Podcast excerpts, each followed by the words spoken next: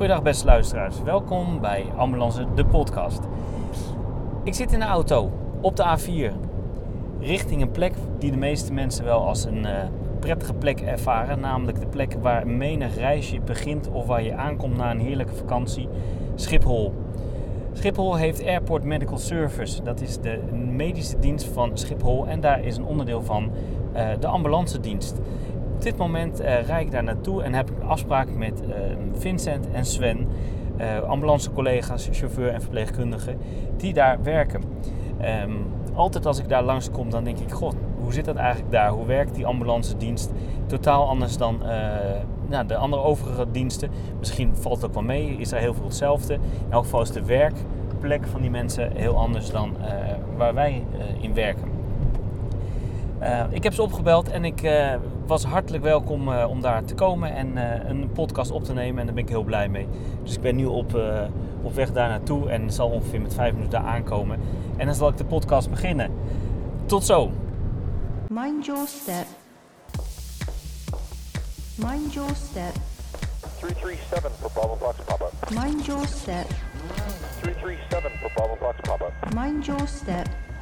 337 for Bravo Fox Papa. Attention please for a gate change. Ja, goeiedag. Voor mij heb ik twee heren zitten, namelijk uh, ambulanceverpleegkundige Vincent Peters en ambulancechauffeur Sven Kerkvliet. Fijn dat ik hier uh, mocht komen bij jullie op uh, Airport Schiphol. Ja, welkom. Laten we eens eventjes even kijken, wie zijn jullie nou eigenlijk? Vincent, jij bent ambulanceverpleegkundige. Ja, klopt. En werkzaam hier op Schiphol. Ja, ja ik zit denk ik hier nu zo'n kleine acht jaar. Daarvoor in regio Hollands Midden gewerkt. En ja, het is een fantastische werkomgeving hier. Ja, dat had ik al gezien. Ja. Beetje stilletjes op het moment? Ja, momenteel is het wel heel erg stil. Ja, ja, ja mensen, het is bizar om, om, om te zien. Maar ik ging hier naartoe rijden. Normaal zie je Schiphol levendig, constant taxiënde vliegtuigen. En nou is het net een parkeerplek voor vliegtuigen en zie je helemaal niemand. Nee, nee, het is echt alsof je een beetje in een slechte film uh, stapt. Ja, inderdaad. Het is een uh, aparte, aparte wereld om in te komen. Ja. Ja. Uh, je voor ons midden zei je, en daarvoor, heb je, wat voor vooropleiding heb je gedaan? daarvoor op de intensive care gewerkt en daarvoor de, de ouderwetse A-opleiding gedaan. Ja. Ook een van de oudere. Ja. Oude, ja. ja. Ook de laatste die, die heeft gedaan. Ja. IC-opleiding gedaan. En waar was dat? ik heb dat in het Langeland ziekenhuis in Zoetermeer gedaan. Oké. En ook uh, actief bij Rode Kruis, zag ja, ik? Ja, klopt. klopt. Uh, bij de medische dienst. Rode Kruis heeft een medische dienst met uh, vrijwilligers, met artsen en verpleegkundigen. Ja. En nou, het is een leuke club en nou ja, leuk om daar dingen voor te doen. Ja, superleuk. En Sven, ambulancechauffeur. Klopt helemaal. En wat is jouw stukje voorgeschiedenis? Um, ik ben met name in de toeristische richting geschoold, dus die is heel anders. En uiteindelijk ook technische opleiding gedaan parallel. Um, ik ben uh, in de luchtvaart terechtgekomen door eerst een aantal jaar te gaan vliegen als steward bij een uh, chartermaatschappij. En daarna ben ik uh, via de technische dienst al daar doorgegaan naar Boeing in Hoofddorp. Daar heb ik cockpit instrumentarium gemaakt. En, is dat avionics specialist? Avionica, precies. Ja, ja, okay. nou, avionica is dan inderdaad ook met name het navigatiegedeelte. Voor mij was het meer hoogtemeters en snelheidsmeters van uh, Fokker en uh, van Boeing. Mm -hmm.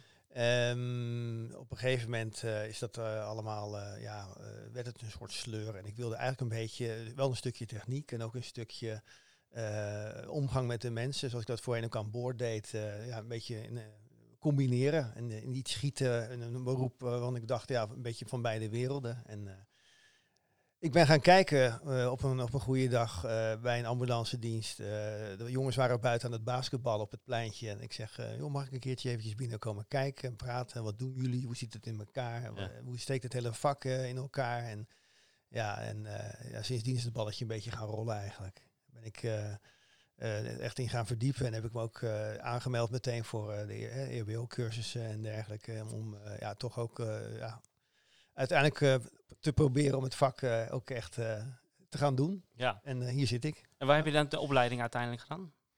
Um, ik heb dat bij de brandweer in Den Haag gedaan aan de Demensvaartweg. Daar heb ik s'avonds zeg maar die cursussen gevolgd. ik moest ook een grote rijbewijs halen, dus ik moest ook de vrachtwagen op. Ja. tussen de bolle boeren in Rijnsburg bij de, bij de veiling. Ja. En uiteindelijk eh, eh, ja, is dat allemaal gelukt. En eh, ik ben ja, gaan solliciteren. Heel veel open sollicitaties geschreven. Van ik wil zo graag, waar kan ik terecht? Het maakt me niet uit. Woon-werkverkeer, afstand. Neem ik voor lief. Ja. En uiteindelijk ben ik in Zoetermeer terechtgekomen.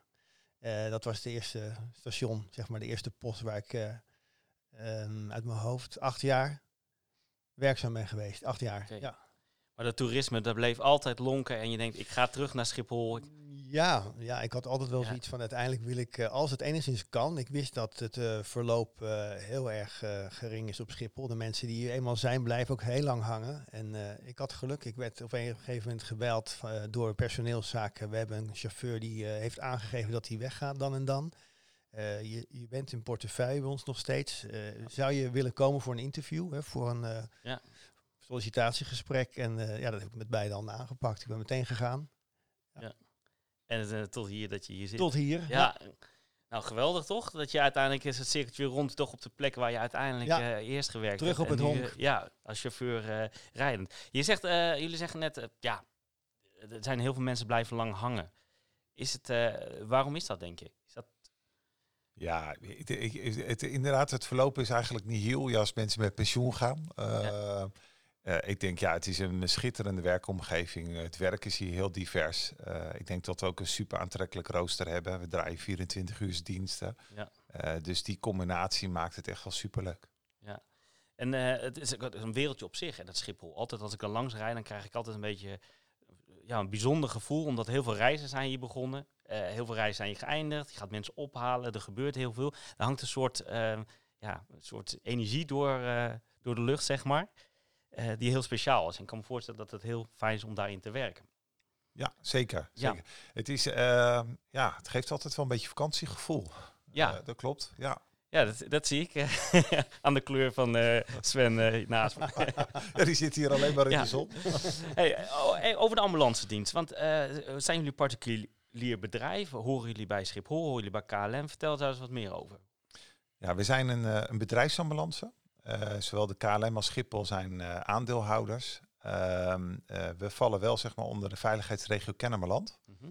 Daar volgen we ook onze, onze opleidingen, onze bijscholingen. En daar zijn we ook, hè, de MMA van Kennemerland is ook onze MMA. Maar we zijn eigenlijk een, een bedrijfsambulance. Ja. Ehm, Oké, de MMA van Kennemerland. hoort. Dus jullie volgen gewoon exact dezelfde scholingen. Alles is... Ja, alles is hetzelfde. Ja. Oké.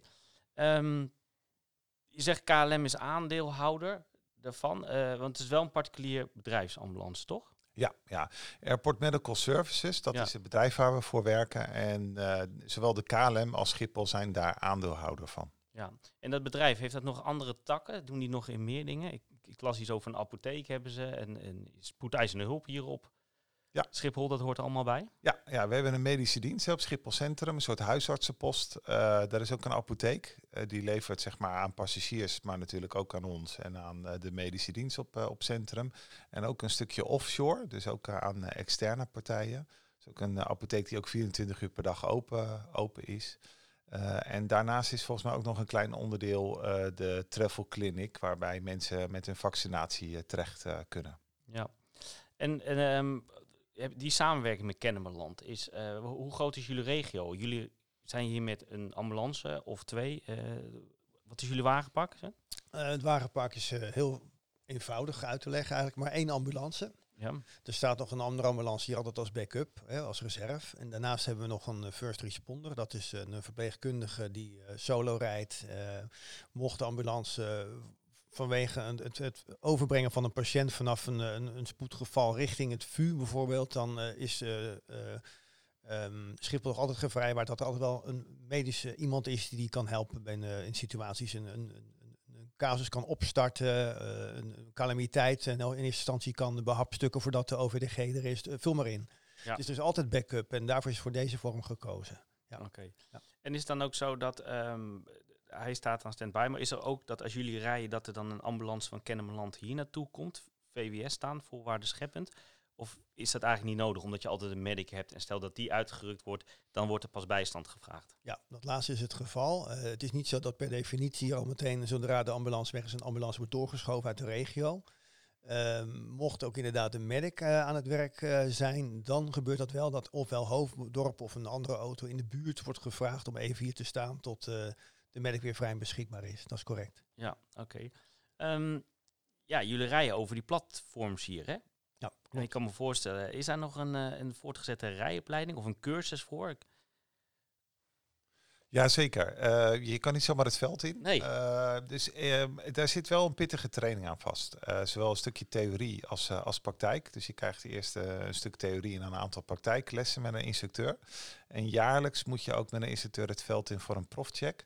Dus er wordt eigenlijk gekeken of je nog zeg maar up-to-date bent en eh, of je het zeg maar beheerst. Want veiligheid is hier echt zeg maar nummer één. Ja, Eh, ja, je moet in het veld ook communiceren met de toren. Eh, ja, ja, die vliegtuigen hebben geen richtingaanwijzer. Dus je moet je goed kunnen oriënteren en goed veilig je Ja. door het veld kunnen begeven. ja, ik kan me voorstellen dat je geen voorrangsvoertuig bent als een Boeing 747 aan het landen is. Nee, bij starten, starten en landen gaat altijd voor. Eh, maar daarna is het wel zo dus dat de hulpdiensten hier dan ook wel weer voorrang hebben als we met toeters en bellen zeg maar rijden. Ja. Ehm, dus daar zitten wel duidelijke afspraken in. Ja. En Stel, jullie zouden nu een melding krijgen en dat is eh, op een platform. Ehm, mag je daar dan zelfstandig naartoe rijden of word je altijd begeleid door een persoon? Dat eerste is het geval. Je mag eh, bij een melding ehm, waar jij denkt tijd te kunnen winnen door dwars over te rijden, dwars door het, eh, de taxi en de vliegtuigen en de startbanen heen, dat mag. Eh, dat doe je wel in overleg met de toren. Je Ja. geeft ook heel duidelijk aan eh, wat je intenties zijn.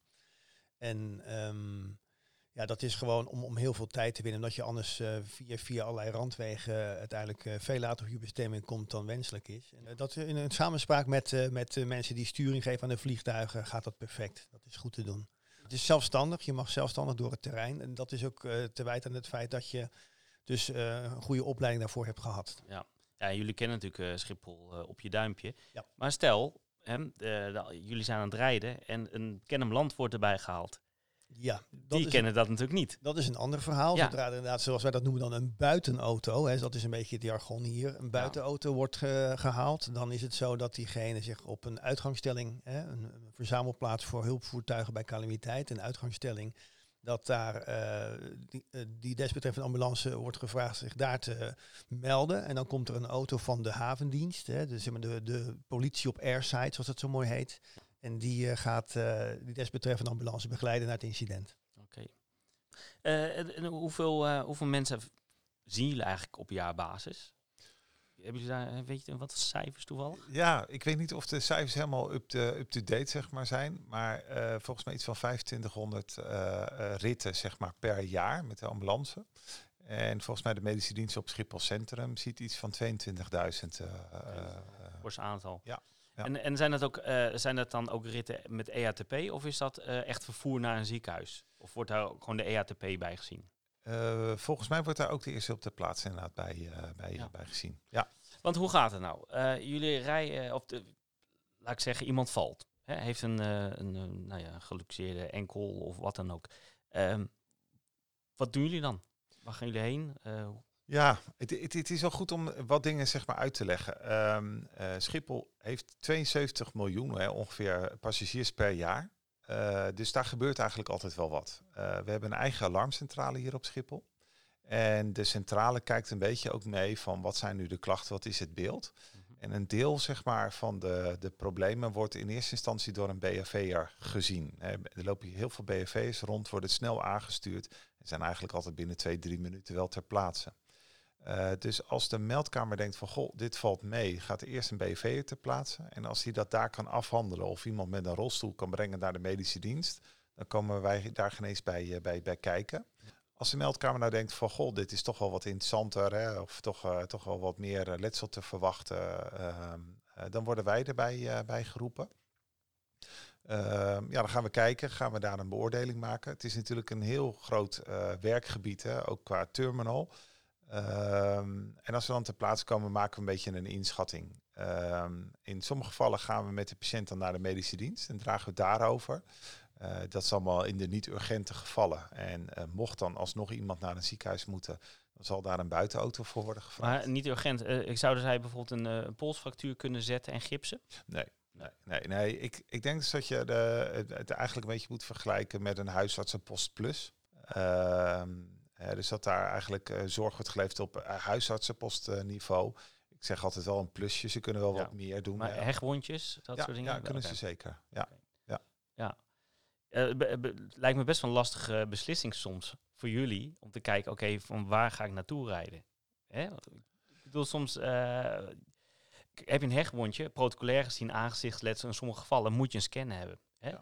Maar in heel veel gevallen is dat ook weer niet nodig. Moet je toch altijd maar even afwachten van, oké, eh, ja, ga ik nu naar het ziekenhuis, waar ze ook de scan erbij krijgen, of ga je hier voor de medische dienst? Ja, aan de, eh, aan de ene kant is het de lastige. eh, ook omdat mensen willen reizen. Die, eh, die eh, willen, doen zich vaak ook beter voor dan dat ze zijn. Aan de andere kant is het ook wel weer gunstig. Omdat we hier natuurlijk een medische dienst met artsen en verpleegkundigen hebben. Waarbij je de zorg eigenlijk weer over kan dragen aan, eh, aan de dienstdoende arts. Ja. Eh, dus dat maakt het soms juist ook wel weer prettig. Ja, dat snap ik inderdaad. Eigenlijk een beetje het verleggen van de verantwoordelijkheid. Ja, ja, zeker, toch? zeker. Ja, Eh, daar, gaan, daar wil ik het daar nog eventjes over hebben trouwens. Maar ehm, je hebt het over de meldkamer. Wie is jullie meldkamer eigenlijk? Dat is de alarmcentrale Schiphol. Dat is een, eh, een locatie midden in de terminal waar eh, veel centralisten zitten die allerlei eh, zaken moeten behapstukken. Dat is een stukje brandweer, dat is een stukje BHV, maar ook de techniek komt daar binnen. Daar komen ook mensen binnen die ergens voor een gesloten slagboom staan die binnen willen. Mhm. Mensen die vooraankondigen dat ze graag werkzaamheden op Schiphol willen verrichten, die gevaarlijk zijn, een brandgevaarlijke zaken op het dak verrichten, vul maar in. Ehm, bij deze eh, eh, meldkamer zit dus een klein gedeelte eh, mensen wat de hulpdienst aanstuurt. Dat is dus de brandweer en de ambulance dienst. De marechaussee valt daar buiten, die hebben een eigen meldkamer. Ehm, wat doen die mensen? Ja, die, die ehm, doen nog echt uitvragen op de ouderwetse manier, zeg maar. Het is niet zo dat zij al met pro-Q&A werken. Nee. Die- zij doen het echt door gewoon een eigen vragenlijst, eh, zeg maar, eh, alle vragen daarvan te, te stellen aan de mensen. En uiteindelijk eh, tot iets te destilleren waar ze iets mee kunnen. Ja, het zijn verpleegkundigen neem ik aan, hè? Negatief. Dat zijn Oh. geen verpleegkundigen. Dat is het probleem. Deze mensen sturen zowel brandweer als ambulance aan. Zijn geen geschoolde centralisten in die zin zoals men dat gewend is in den landen. Ehm, dat, is, dat maakt het nog wel eens moeilijk. En dat is ook de reden waarop op Schiphol de ritten eh, A1 zijn, dat zij geen status mogen toekennen aan de rit. Juist door dat gebrek aan eh, net het ene stukje eh, meer kennis om, om dat Ja. goed uit te kunnen kristalliseren. Maar goed, ze zullen, eh, jullie zullen waarschijnlijk ook wat laagdrempelig worden ingezet in die gevallen. Dus dat, is ook niet dat zo is erg. ook juist, Ja. dat is inderdaad zo. Met, met de achterliggende gedachte van wij komen hier niet uit. ga maar kijken en vellen jullie je oordeel ter plaatse. Ja. Dat klopt. Ja, en daar heb je natuurlijk die medic waarschijnlijk ook veel voor. Die rijdt alleen trouwens? Die rijdt alleen. Ja. Ja, Ja. klopt. In gewoon een rapid responder voertuig. Ja. Ja, ja, we hebben een, eh, ook daar twee auto's zeg maar, voor een reserveauto. En eh, eh, ja, een Mercedes Vito, die, waar eh, gewoon alle apparatuur in zit, behalve een brancard. Ja. Nou weet ik, eh dan heb je ontzettend lange gangen in eh, Schiphol. Hè? En eh, het, er is- vast een plek waar je niet zo makkelijk komt. In elk geval niet met de ambulance. Hebben jullie nog een ander soort voertuig eh, wat je kan gebruiken? Of is het dan gewoon flink kilometers maken en calorieën verbranden? Nou, er is wel een verschil. We kunnen eigenlijk eh, best wel overal snel te plaatse komen, maar met een brancard is wel een uitdaging. Eh, dus wat je vaak ziet is, is dat we met onze spullen heel snel te plaatsen kunnen zijn. Maar als we echt op transport gaan, dan wordt het een uitdaging. Dan zijn er her en der op Schiphol brancardliften. En eh, dan zullen we met de brancardlift, zeg maar, de brancard ja, komt dan wat later Ja. de patiënt te vervoeren. En ehm, als jullie assistentie nodig hebben, dan komt Kennemerland eh, daarbij. Ja, ja dan eh, eh, stel we hebben een reanimatie op Schiphol. De tweede wagen gevraagd, komt Kennemerland erbij. En die worden dan begeleid door de havendienst. En die zorgen ook dus dat ze ook echt helemaal tot in de terminal worden begeleid. Hebben jullie wel eens een MMT-inzet gehad op Schiphol? Ja, regelmatig. Ja. En die, die- landen neem ik aan hier. ja, ja, dat vinden ze ook wel leuk. Want die landen soms op een vliegtuigenopstelplaats. Dat is wel apart. ja. Dus ja, ja. Oké, en, en hoe, hoe, wordt dat aangegeven dan? Ze waar ze moeten landen, bij welke gate of wat dan ook? Of dat gaat allemaal... eh, Ja, het mooie is, is dat daar de toren natuurlijk een hele belangrijke rol in kan, kan hebben. Ik moet wel zeggen, er is hier echt normaal gesproken heel veel vliegverkeer. Eh, dus dat ze soms ook gewoon de keus maken om het met de auto te doen. ja, vaak- met de zoon natuurlijk. hè? Ja, vaak werkt dat wat sneller dan, eh, eh, dan eh, met, met helikopter zeg maar zelf. Ja. Maar regelmatig landt hier ook een helikopter en die wordt dan door de toren netjes begeleid. Ja, dat is natuurlijk zo. Het is ook maar 10 minuten, denk ik, vuur Schiphol vanaf hier. Ja. oprijden. Sorry, dus, dat is inderdaad maar 10 minuten rijden. Ja. En dat, is, eh, dat merken wij ook als wij al nog in de, in de hal staan. Net een eh, patiënt hebben gepresenteerd. En we moeten weer eh, hals over kop terug. Dat het inderdaad binnen nou, 6 à 7 minuten wel te doen is als je een beetje gas geeft. Ja, ik kan me voorstellen. Ehm, eh, over dat reanimeren, want je zei net van eh, als er een reanimatie is, daar ben ik ook altijd zo nieuwsgierig naar geweest. Jullie krijgen een melding, er komt een vliegtuig aan en daar wordt gereanimeerd. Nou weet ik ook, of tenminste heb ik eens gehoord, dat eh, tijdens landen er niet doorgereanimeerd mag worden. Klopt dat? Nee, ja, nee hoor, er wordt wel gewoon netjes gereanimeerd. Oké, Ja, dat wel. Ja, ja.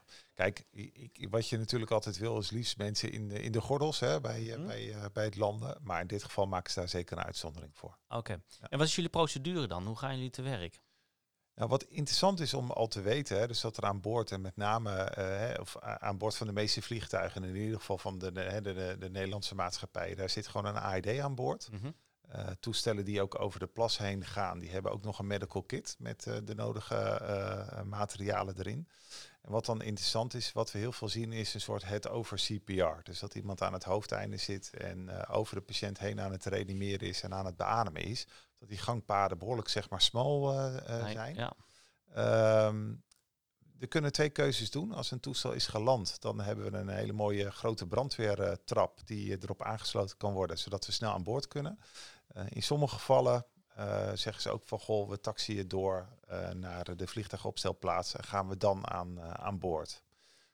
Ja, dan is het vaak kra- krappe werkruimte. ja. En dan gewoon de sleur eraan, zeg maar. Ja. Ja, ja. Het is eh, maar net een beetje waar er wordt het toestel geland. En eh, het wordt altijd met voorrang behandeld. Ja. Eh, Ja, Zo'n polderbaan ligt natuurlijk heel ver weg. Dan gaan jullie waarschijnlijk al eerder daar naartoe. Ja, ja, en dan staan we langs de baan en dan hebben we ook die, die brandweertrap. Ja. En, eh, maar dus jullie rukken altijd uit met brandweer eigenlijk bij een reanimatie? Eh, nee, niet standaard. Er wordt echt gekeken waar, la- waar, waar landt het toestel, eh, hoe lang zou die moeten taxiën. En ehm, in dit soort gevallen, dat noemen we medical emergency, worden er ook gewoon banen speciaal voor open gezet. Zodat het toestel daar kan landen en maar een hele korte taxietijd eh, heeft. Oké. En, en dan zit iemand in het midden van het vliegtuig. Nou, ga er maar aan. En de meneer is een beetje gezet. Wat gaan jullie dan doen? Want ik kan al bijna niet eens zitten in zo'n stoeltje, maar laat staan reanimeren. Ja, dat is inderdaad eh, een hele lastige. Wat Vincent net aangaf. Sommige mensen worden uit de stoel gehaald, in het gangpad direct daarnaast neergelegd en men gaat beginnen met eh, de reanimatieprocedure. Ehm, eh, sommige mensen van de crew zijn wat eh kiener daarin. Die denken bij zichzelf, we slepen diegene eerst naar de plaats waar ruimte is, in de pantry, hè, Ja. de keuken, boordkeuken. Voor of achterin of in het midden, dat hangt van het toestel af. Dan voel jij je weer helemaal thuis natuurlijk als je daar helemaal bent. thuis als ik het nu over heb. Ja, maar eh, het is inderdaad zo dat eh, dat dan wat- dat wat ruimte geeft om ook mensen ook echt goed te kunnen laten reanimeren. Want het is eigenlijk amper onmogelijk in het gangpad. Dat gaat gewoon. Nee. En ehm, van, goed, de patiënt moet worden vervoerd. Dat is inderdaad een eh, hele uitdaging. Ehm, de de, net aangehaalde brandweertrap door Vincent, moet je je voorstellen, het is niet zomaar een trap. Dat is echt een mega grote vrachtwagen. Een blusvoertuig wat de vorm heeft van een trap. eh, ook echt zo ingericht is dat die heel snel kan worden aangedokt. Dat hij een hele geleidelijke sloop heeft eh, van naar beneden lopen. Dat je dus ook met z'n allen gewoon ehm, eh, met een brancard omhoog kunt rijden als het ware. Ja. Of in elk geval met het bovenstel van een brancard. Of Ja. met een, met een, eh, een backboard of vul maar in. En ehm, de procedure bij de brandweer is ook meteen dat als de trap gaat rijden, dat ook de tankautospuit automatisch meekomt. Zes mensen met extra handen die ons daarbij gaan helpen om juist eh, iemand uit de vliegtuig te kunnen manoeuvreren via zo'n backboard, wat gewoon echt een uitdaging is. En, Ja. ja. Ja, dat gaat prima. Wij werken heel erg prettig samen met de brandweer Schiphol op dat gebied ook. Ik had het eigenlijk nog nooit gerealiseerd. Ja, natuurlijk, je denkt er gewoon niet over na. Maar ik heb hier ooit een keer een oefening gedraaid eh, op de Bokas. Dat is eigenlijk het brandweercentrum hier. En dan met jullie ook eh, ooit een oefening gedraaid. En inderdaad, dan kwam ineens zo'n brandweertrap aan te denken. Ja, natuurlijk is die nodig in Ja. eh, sommige gevallen. Leuk om even te horen hoe dat dan werkt. Ja, dat is echt een, een nou, dat de heilig ding bijna. Dat als je, als je echt Ja. heel snel aan boord wilt gaan, en dat is hier gewoon lastig op Schiphol. Er komen vliegtuigen binnen die vliegen per ongeluk over Nederland, moeten hier snel zijn vanwege een medical emergency Ja. aan boord. Niemand voelt zich daar toch eh, eh, heel direct verantwoordelijk voor. Welke afhandelaar gaat dit vliegtuig behapstukken? Wie gaat daar een trap voor regelen? En Ja. wie ronselt daar de mensen voor? Omdat ze natuurlijk uit hun eigen processen mensen moeten weghalen, is het Ja. heel lastig. En ja, de brandweertrap staat er, die staat stand-by, kan binnen no time daar zijn. Dus dat is echt, eh, een uitkomst. Eh, ja, echt, ook qua techniek, het is echt eh, top, top of the bill. Ja. Ehm, eh, wat, wat we hebben het over een reanimatie. Ehm, ik kan me voorstellen dat het aantal ritjes dat je rijdt, dat ook heel vaak POB-klachten zijn. Dus pijn op de borstklachten, hart gerelateerd. Mensen hebben heel lang gezeten. Eh, die voeten lopen lekker vol met eudemen, eh ruitenembolie of embolieën. Embolieën, Ja, zeker. Is het zo dat jullie dat ook echt vaak zien?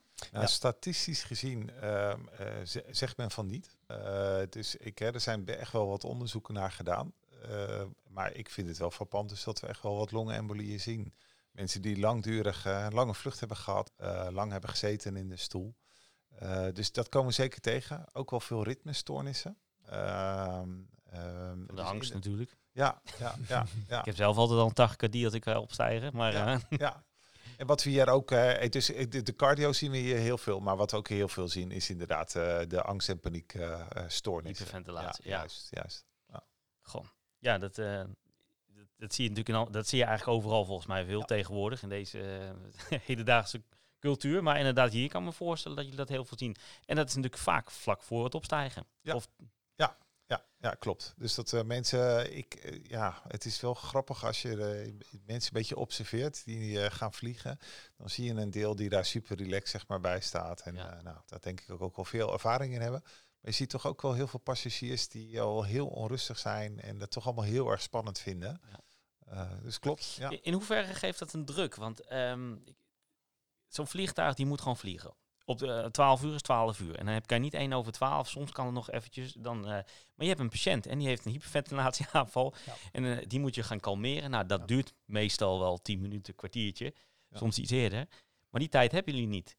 Eh, wat, wat heel belangrijk is, is dus dat je moet realiseren dat iemand in dusdanige conditie moet zijn. Dus dat hij gewoon eh, de, de vlucht over de plas, eh 18 uur, eh, eh, nou ja, moet kunnen overbruggen. En een, een vliegtuig wat zou moeten terugkeren, omdat het toch niet goed gaat met een, eh, met een passagier, moet je je bedenken dus dat hij eh, eh, nou, misschien zelfs al kerosine moet lozen, omdat het te zwaar is om terug te komen. En dat vraagt echt nog wel heel veel procedures. En ook, nou ja, dat hele, alle aansluitingen worden dan gemist. Het is de vraag of die crew weer opnieuw mag, mag vertrekken of dus dat ze afgelost moeten worden. Dus eh, je moet je heel goed bedenken of iemand wel in staat is om zo'n lange vlucht aan te gaan. Ja, want het kan duizenden euro's kosten, zoiets. Ja, ja, ja, ja, vaak zit er nog wel een nulletje inderdaad achter. ja. Ehm, dus ja, maar je moet je goed realiseren, kan iemand het aan? En gelukkig zijn hier zoveel vluchten en is er zo'n mega netwerk.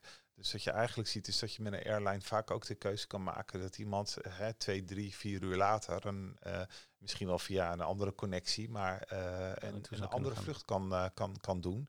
En dan speel je wel op safe. Eh, En, en wie maakt die beslissing dan? Dat fit to fly, zeg maar. Hè? Heet dat zo? Ja, ja, Ja. het is een fit, fit to fly. Formeel is dat een arts van de medische dienst die, die dat moet doen. Soms overleggen we even telefonisch, hè, omdat er toch een tijdsdruk op, op zit. Ja. Maar de hamerslag wordt gegeven door de arts van, van de medische dienst. En zie je dat die laagdrempelig zegt, laat maar hier? Eh, nee, dit worden we echt wel een reële inschatting gemaakt. En eh, wat ook wel belangrijk is, is, is dat we ook een stukje de mening van de crew hè, daarin meewegen. Ehm, eh, kijk, als een crew zegt ik durf het niet aan of ik Ja. vertrouw het niet, is eigenlijk het antwoord al helder. Ja. Ja. volgens mij moet je dat dan ook niet doen. Nee, ja, een a- angst-paniekstoornis. eh, Met een beetje rustig iemand kan je die natuurlijk ook in zo'n vliegtuig oplossen. Terwijl als het inderdaad ritmeproblematiek is, Ja, ja, dan niet. Nee, klopt. Heb je wel eens een situatie meegemaakt dat je, dat je iemand eh, zei van ik wil per se met die vlug mee en dat jullie echt dachten van ja, dit is gewoon niet verantwoord. Dan heb je ook nog een stukje geheimhoudingsplicht. Hoe ga je daarmee om? Ja, dit, dit maken we denk ik bijna dagelijks zeg maar mee. Ja. Eh, mensen die zich toch wat beter voordoen dan dat ze zijn. Ehm, eh, kijk, een airline heeft dit soort dingen al heel snel in de gaten. Eh, die ziet dus dat er bij hun in hun wachtruimte iets gebeurt. Of die ziet zeg maar dus dat er met een passagier iets gebeurt. Dus die zijn daar al heel snel bij. eh, omdat ook hun proces daar afhankelijk van is. En we moeten misschien wel een koffer eh, worden eh, uitgeladen. Dat willen ze liefst zo vroegtijdig mogelijk weten, om vertragingen te voorkomen. Dus we zien dus dat een airline eigenlijk al heel snel in de loop zit. Ja. En ehm, eh, we ze ook ja, vaak wel betrekken bij, bij, bij de keus, gaan we nu door of gaan we niet, niet, niet door. Ja. Hebben jullie wel eens een situatie gehad dat je iemand hebt laten gaan en dat je achteraf denkt, hmm, dat, daar heb ik eigenlijk niet zo'n lekker gevoel bij. Ik denk dat wij als ambulanceverpleegkundigen eh, of, of, of chauffeurs ook dat allemaal kennen hè, op straat. Dat jij een beslissing hebt genomen en dat je wel achteraf denkt... Ja, ik weet niet of ik heel, heel veilig hierin heb gedaan. Misschien had ik toch dit of toch dat. En dan, eh, maar goed, dan kan je in zo'n geval kan je soms gewoon nog naar zo'n huis rijden en zeggen: mevrouw, ik klinkt een beetje raar. Ik heb het één keer gedaan. Eh, ik teruggereden en zei: mevrouw, het klinkt een beetje raar, maar ik ga het toch meenemen. Ik zat, het zat me toch niet lekker. En dat werd me eigenlijk heel erg in dank aan. eh, of, of ik vond het heel fijn dat ik dat deed. Ik, ik, ik- regelmatig heb je zo'n moment dat gevoel van hey, en wat ik echt wel heel fijn vind, en dat is vooral ook eh, als ik met Sven rij, dus dat we eigenlijk altijd even me- met elkaar overleggen, hey, wat, wat vind jij er nu van? Ja. Ehm, en eh, als Sven zegt, nou, ik heb daar geen goed gevoel bij, dan is het wat mij betreft ook een no-go. Ehm, ehm, en we hebben natuurlijk altijd de Marcel, dus dat we ook altijd nog wel met een arts kunnen overleggen als backup. Eh, dat, dat is wel heel fijn. Ja. Ja. Ehm, eh, daar straks hoorde ik je zeggen over de G. Het woord. Eh, wie is jullie over de G? Eh, de, over de geest van de regio Kennemerland. Mhm. Ehm, dus er zijn er naar, eh, wordt er hier opgeschaald, dan wordt er over de GR zeg maar bijgevraagd. En dan zien we ook dus dat de coördinatie eigenlijk overgaat van onze eigen alarmcentrale naar die van Kennemerland. Ja. Dus ehm, ehm, misschien kan Sven daar wel wat meer over vertellen. We overleggen met drie partijen. Eh, dat is eh, eh, hè, onze eigen meldkamer, dat is de meldkamer in Kennemerland en dat is de toren. Dus soms is het best even druk qua, qua communicatie. Ja, want hoeveel portofoons, mobielefoons hebben jullie bij? Of is het schakelen tussen kanalen? Ehm, het is schakelen tussen kanalen. Nee, eigenlijk niet zo. Het is, ehm, ehm, we hebben dus zeg maar één mobielefoon. Ehm, die staat normaal gesproken afgestemd op, eh, op, het Schipholkanaal. Dus een gesloten kanaal, één voor Schiphol. Dus eh, dat is niet dat Kennemerland meeluistert. Dat is een eigen gesloten circuit. Ehm, daar kan Kennemerland wel op inbreken als het ware. Daar kunnen ze zich ook eh, inmengen. En als zij zeggen van nou, dit gaat zeg maar boven Schiphol alarmcentrale uit. Het is iets eh, groters. Dan eh, nemen zij de regie. En dan, ja, dan, dan gaan we ook naar een incidentgroep, zoals iedereen dat gewend is eigenlijk in de landen ook te doen bij een incident. En ehm, aan de hand daarvan gaan we verder. En dan, ja, dan heb je nog inderdaad een andere partij, eh, de, luchthaven, de LVNL, de luchtverkeersleiding van Nederland, die allerlei dingen wil eh, weten van je, wat je intenties zijn. En dat is af en toe best wel een kakkefonie voor in het, eh, Ja. Ja, Gaat het in het Engels of in het... dat gaat in het Nederlands sinds een aantal jaren al. Dat schijnt voorheen wel in het Engels gegaan eh, te zijn. En dat heeft ook wel wat problemen opgeleverd. Maar men wil voor al het grondverkeer op de luchthaven Schiphol in het landingsterrein gebruikt men als voertaal gewoon Nederlands. Oké, nou dat is Ja. wel fijn, hè? Want Dat dat is fijn. Ja, dat is yes, beter. yes. Where you thinking Yes, yes. about krijg je dan. eh. Yes, yes. ja. Eh, nu we het toch over taal hebben, hoe gaan jullie om met die taalbarrières? Want ik bedoel, in Amsterdam eh, zijn we het gewend natuurlijk. Ja. Eh, maar jullie hebben echt honderdduizend talen hier. Ja, nou, dat is gewoon niet te doen om daar eh, zeg maar ook eh, in de desbetreffende taal ook mee aan de slag te gaan. Chinees is niet echt... eh, niet echt ons, eh, ons vakgebied. Nee. Nee. Wat, Ehm, wat wel mooi is, is dat we van afhandelaars gebruik kunnen maken. Ja. Hè, dus dat de airline vaak ook eh, eh, een, Oh ja, een vertegenwoordiging Ja. heeft die de taal beheerst. Eh, wat ik ook wel echt interessant vind, is, is dat je heel erg, nou ja, steeds meer naar lichaamstaal kijkt. Ehm, eh, dus door te observeren, we hebben ook hè, van, die, van die, die, die taalboeken, dus dat je plaatjes kan aanwijzen. Je hebt hele handige appjes waarop je dingen kan vertalen. Eh, dus we maken wel zeg maar, gebruik van hulpmiddelen en met name ook van mensen uit de omgeving. Ja, dat kan me voorstellen. Natuurlijk, eh, meestal zo'n purser van zo'n vliegtuigmaatschappij spreekt vloeiend Engels en, en de taal. eh, Ja. Die kan een verstaalslag voor je maken. En eenmaal op de medische dienst aangekomen maken we ook veelal gebruik van de tolkentelefoon. Ja, dat vroeg me af. Dat Ja. is dan. Oké. Ja, als jullie ehm, eh, een EATP hebben. Wij moeten eigenlijk altijd een adviesbrief schrijven van ga dan naar de dokter of wat dan ook. Doen jullie dat, dat ook? Ja, de- we werken met hetzelfde computersysteem, eh en Migma Care. Eh, dus dan eh, we ook in daadwerkelijk eh, een advies mee. We hebben een printer in de auto en men krijgt ook het briefje, zeg maar. mee. hebben jullie het luxe dan wij hoor. Wij moeten nog even schrijven. Oh, oké. Nou, dan kunnen we lekker type printje Ja. meegeven. Dan is Hoe heet het dat systeem, jongens? ja, ja, dan is het ook, dan is het ook leesbaar. Hè? Dat is ook Ja. fijn. Ja. Ja. Stel, er is een, een, een groot incident, of het dreigt is, hè, dus een, groot olielek of wat dan ook. Eh, gaan jullie daar voorwaarden scheppend bij staan? Eh, zijn er procedures dat je zegt, oh, daar is er weer eentje, het zal wel loos zijn, maar daar gaan we naartoe rijden?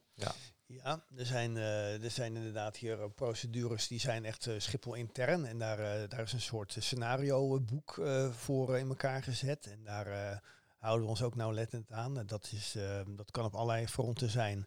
Als voorbeeld nu eventjes inderdaad een voorzorgslanding van een vliegtuig, wat toch niet heel alledaags is, maar het komt voor. Ehm, in dat soort situaties is het zo dat een brandweer zeg maar natuurlijk oprijdt, hè, daar speciale strategische plekken voor gaat innemen langs de baan. En wij horen ook bij die eh, groep van de zogenaamde repressieve dienst. Wij moeten daar ook eh, in mee. Eh, mocht er iets gebeuren met, eh, met mensen aan boord, maar ook eh, gewoon voor de brandweermensen zelf, hè, die Mhm. zich toch een eh, gevaarlijke situatie moeten blootstellen. En dat wij dan ook voor hun zeg maar toch eh, heel snel eh, ter plaatse kunnen zijn, mocht het nodig zijn. Hebben jullie ook eh, extra beschermende pakken, iets eh, aan boord wat anders is dan bij reguliere ambulance diensten? Mm, Nee, het, het, het, ik weet niet of dat, of, dat, of dat vest dat wij hebben voor tegen eh, het kogelwerende vest, of dat ook daadwerkelijk ook in de landen al in gebruik is. Niet overal volgens mij. Nou ja, je ziet wel in het kader van de TGB eh, hebben we wel het, het, het zwaarste kaliber vest. Ja. Daar eh, werkt hier ook eh, de dienst beveiliging van de MACC mee. En dat hebben we in, met hun in samenspraak zeg maar eh, eh, aangeschaft. Ehm, eh, dus dat is wel een zwaar kaliber zeg maar vest wat we, Ja. wat we dragen. Ja. Zegt voor terrorisme gevolgbestrijding. Hè? Ja. Ja, correct. Ja, dit is, eh, het is heel wisselend in het land. Ik weet dat heel veel mensen hebben de vesten. In Amsterdam hebben ze bijvoorbeeld de vesten aan boord. Maar heb je ook het soort team die dus het wat zwaarder kaliber vesten heeft. En die dan in dat soort situaties wordt ingeschakeld. Ja. Ehm, maar jullie hebben niet, eh, zoals het hartteam van Kennemerland, een speciale eh, barrière pakken, zeg maar. Nee, Nee, hebben we niet. nee. Nee. Eh, buiten de noem het maar ebola zeg maar pakketten om eh, hebben we niet, eh, Nee. daar geen bijzondere dingen. Nee. En, en stel, er is zo'n terrorisme gevolgbestrijding. Hè? Eh, gaan jullie dan, ehm, worden jullie eerst auto of ga je dan het veld? Want hoe is dat, stel de, uh, ontploft hier een bom. Ja, nou dan geef ik Vincent heel graag het woord, want Vincent is dat toch wel een beetje eh, ook eh, degene geweest die dat ook eh, mede geïnitieerd heeft. Eh, hoe gaan we hier eh, in te werken Ja. in samenspraak? Hè? Of in, met, met de MAROCC-mensen hebben ze daar een, eh, een plan voor eh, Ja. ontwikkeld. Ja, ik, wat we, ik, eigenlijk zeggen we altijd, hè, als hier wat gebeurt, dan eh, neem je de rol zeg maar, van, van de eerste auto op je. In het geval zeg maar, van een terroristische aanslag of iets, hebben we Ja. gezegd dus dat we dat niet doen. Mhm. Eh, en dan gaan we eigenlijk de levensrendende skills eh, toepassen. En dan de eerstvolgende auto die uit de regio aankomt rijden, zal dan de rol van command en control op zich nemen. Ja. En ehm, eh, we hebben daar met eh, de MACC, maar ook met andere partners op Schiphol afspraken over gemaakt. Eh, er zijn hier veel handjes. Er zijn hier ook echt verspreid over de luchthaven heel veel mass casualty bags beschikbaar. En we hebben gekeken, maar waar zit nu de meerwaarde van ons als ambulance Eh, zowel de MACC als de brandweer als de BFV-organisatie kunnen prima tourniquetjes plaatsen. Ja, dat is de snelheid met Eh, name, denk ik. Hè? Ja, en we hebben nu, ja, ik denk, hè, dit is eigenlijk heel snel hier georganiseerd en, en, en het draait, eh, omdat de middelen en de mensen hier beschikbaar zijn. Ja. Er zijn hele duidelijke rolverdelingen. En wij hebben gezegd van, maar waar zit dan ook onze meerwaarde? En dat is met name op een stukje RW-management. Eh, dat we hebben gezegd van laten wij nou eh, de dingen doen eh, die nou, niet door de brandweer of de MACC kunnen, Ja. gedaan kunnen worden. En zo proberen we elkaar eigenlijk een beetje compleet te maken. En ehm, eh, bijvoorbeeld de BV-organisatie hebben we gevraagd om in, noem het maar even de tweede ronde, als je levensrende skills hebt gedaan, om iedereen te voorzien van een isolatiedeken om afkoeling te voorkomen. Zo zie je dus dat iedereen daarin een stukje van, eh, van, van de taart eh, pakt. Ja, het is natuurlijk ontzettend verbeterd in het land. Hè? Eh, ja, na, na de terroristische aanslagen die we een tijd terug hebben gehad, dat je dan heel het land werd getraind in tourniquet, in hemostatische gazen, in wondbekken, trauma bandages. Dus ehm, soms heb ik ook wel eens het gevoel van we hebben er zo hard op getraind en allemaal. En uiteindelijk worden we neergehaald door iets wat je niet eens ziet, het coronavirus. Hè? Ja, ja. Soms voelt dat wel heel dubbel en moesten we allemaal weer leren hoe trek je zo'n isolatiepak aan, Ja. handschoenen in de juiste volgorde, een masker. Ja, ja. Hoe zit het eigenlijk als er een vliegtuig eh, in de lucht zit en ze hebben aan boord een medisch probleem? Ja, als zij een probleem hebben, of het een, een medisch probleem is of eh, een, een, een probleem in de techniek, dan eh, melden ze dat bij de, bij de toren. En de toren kan een keus maken om een hoorn te trekken. Dat is een rode telefoon. En als ze die telefoon trekken, dan wordt die opgenomen door onze alarmcentrale. Maar wij kunnen live de melding meeluisteren. Dus op alle brandweerposten eh, horen we deze melding. En op basis daarvan zie je ook dat er geen vertraging meer plaatsvindt. En zie je eigenlijk dus dat we al richting de auto kunnen gaan om eh, op die melding af te gaan. En dat is eigenlijk wel vrij uniek. Ja, en hoor je dan de bemanning praten met een arts? Nee, wat je, wat je ziet is dus dat eh, de, de, de toren eigenlijk zeg maar de melding doet naar eh, onze alarmcentrale. En dat kan een technisch probleem zijn of dat kan een medisch probleem zijn. Ja, eventjes ter aanvulling, die, die desbetreffende conversatie tussen de toren en de alarmcentrale hoor je dus via alle omroepen, overal waar dus mensen van de repressieve dienst zijn. Dus je hoort het direct live over de intercom, Ja, hoor je wat er gaande is. oké. Een stukje geheimhouding is daar een klein iets minder in. Maar goed, dat maakt op zo'n moment denk ik niet uit. Nee, het, is, het, is, het is- het is alleen voor de, voor de desbetreffende Ja. repressieve dienst. Het komt niet in andere gebouwen terecht. Nee. En, en hoe zit het nou? Ehm, er is aan boord een medisch probleem. En dan vraagt altijd, is er een dokter eh, in, in, de, in de zaal, Ja. zeg maar? Hè? Klopt. En er sta je vlucht. van dat het ook altijd bingo is. Ja, Dat het ofwel ambulanceverpleegkundigen zijn uit welk land dan ook, of artsen. ja, maar ja er zitten 300 man in zo'n vliegtuig. Dus altijd wel één pleeg, toch? Of, eh, Klopt. En daarvoor, wat eh Vincent ook zei, is er een speciaal eh, een, een medische, ja, een medical kit, een medische Ja. kit ontwikkeld. Ehm, die wordt aan boord gezet in een bepaald kastje bij de purser. De purser doet een oproep van jongens, is er een dokter in de zaal? Eh, ja, meldt zich een arts of een verpleegkundige of misschien zelfs meerdere. En dan kunnen zij gebruik maken van de hele eh ja, outillage wat er allemaal in zit in die koffer. En dat, dat is ook eigenlijk de medicatie zoals wij die ook kennen, zeg maar een beetje in, de, in onze koffers van de ambu. Eh, is die zo uitgebreid? ja, er zit heel veel in. Ja, eh, ampularia, alles eh, erop en eraan. De mensen kunnen echt, echt goed aan het werk. Er zit ook, eh, ja, alles zit er eigenlijk bij. Ja, maskerballonbeademing, je kan een conutomie doen, eh, je kan een, een partus doen als je daar zin in hebt.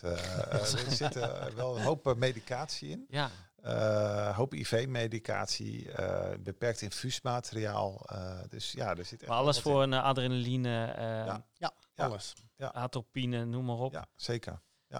Oh, en, en mag je dat dan, ehm, mag je niet zelfstandig gaan, ja, dat mag je wel zelfstandig doen, maar dat gaat dat onder supervisie van een arts die je telefonisch krijgt? Of Ja. neem je op dat moment als Nee. passagier de verantwoordelijkheid daarvoor? Het was niet weggelegd of bedoeld in worden voor een, een passagier. Eh, het is echt, er moet echt een arts of een verpleegkundige die ermee gewend is te werken zijn. Ja. Het is ook niet aan de crew eh, besteed om daar zelf mee aan de slag te gaan. Dat mag ook niet. Zij hebben alleen de instructie om een arts erop te wijzen dat die, feit, dat, dat die spullen aan boord zijn. Ja, En dat hij of zij daarmee aan het werk mag, mits er ook echt hij of zij er ook los op is. En niet zomaar mensen. En dan moet je dan als purser of als crew ook een beetje van uitgaan dat diegene die zich als arts meldt, ook daadwerkelijk een arts is. Ja. Ook daar hebben we wel dingen gezien. We kennen natuurlijk ook in Ja. de praktijk dat iemand zegt, ja, maar ik ben dokter, eh, alles prima. En uiteindelijk eh, is het wel dokter, maar een psychiater. En heeft hij nog nooit van een Ja. of een tube gehoord. Dokter is een breed begrip. Ja, dat is een heel breed begrip. Ja, het is wel goed om te weten, dus dat er vanuit eh, de cockpit ook wel direct eh, contact wordt gezocht met een van de artsen van de medische dienst. Ja, Eh, om te overleggen, eh, ook om te overleggen of ze moeten terugkeren, moeten uitwijken. Eh, en als je gaat uitwijken, eh, dat je ook gaat overleggen waar ga je uitwijken. Eh, je kan wel ieder vliegveld in de buurt kiezen waar je op dat moment vliegt, maar het is ook de vraag of de medische zorg daarop aansluit. Ja. Eh, dus daar vindt wel intensieve overleg op eh, plaats. En de arts eh, van de medische dienst kan ook allerlei adviezen geven. Hè. Bij dit beeld mag je hè, deze medicatie geven. En zelfs de alle medicatie is genummerd. Eh, dus er wordt wel vanaf de wal zeg maar, adviezen gegeven over wat ze moeten doen. Oké. En is er ook een soort protocollenboekje aanwezig in zo'n eh, vliegtuig? Dat er staat bijvoorbeeld, anafylactische reactie, doe dit. Nee, maar dan, eh, dan mag je altijd, kan je altijd hè, de backup van de arts eh, van de medische dienst. Hè. Dus er wordt er gewoon vanuit de cockpit gebeld en vindt er een overleg plaats. wat, wat, wat te doen. Oké. En nou, die medicatie is gebruikt. Ja. En is op. Klopt. Hebben jullie daar nog een bepaalde rol in? Ja, dat is eh, voor de nummer drie van ons, hè, de medic, zoals die zo mooi genoemd Mhm. wordt. Hè, de tweede verpleegkundige die solo rijdt. Die, ehm, die heeft ook als, eh, als, als taak om eh, via de apotheek van Schiphol ervoor te zorgen dat dat weer aangevuld wordt. Een soort roulatiesysteem. Stel er is een incident, de koffer wordt gebruikt, hè, de medical kit. Daar missen spullen uit, dat weet de purser. Er komt een ander kleur zegel op ter herkenning van het feit dat het gebruikt is. Er wordt melding van gemaakt en uiteindelijk is het zo dat eh, aan boord van dit medic voertuig ook eh, koffers zijn met, eh, die weer helemaal nieuw zijn en vers opgetopt. En die worden dan aan boord gebracht. De oude wordt eraf gehaald en dat is een soort, ja, een, is gewoon wissel. Een wisselproces, ja, het wordt... eh, Dus die koffers zijn overal op de wereld exact hetzelfde. Nee, dat is niet helemaal juist. Dat komt omdat we dat niet helemaal goed uitgelegd hebben in die zin van wie... eh, wij hebben het nu eigenlijk over, we hebben het over de KLM-vliegtuigen. Oké. Met de, zowel met, met, met het medical gebeuren van de, van de artsoverleg, dat is KLM specifiek, maar ook het gebruik van deze medical kits, dat is puur voor de KLM-vliegtuigen. Oké. Omdat wij nu eenmaal onderdeel Ja, zijn van de KLM. en Delta Indirect. misschien eh, erbij.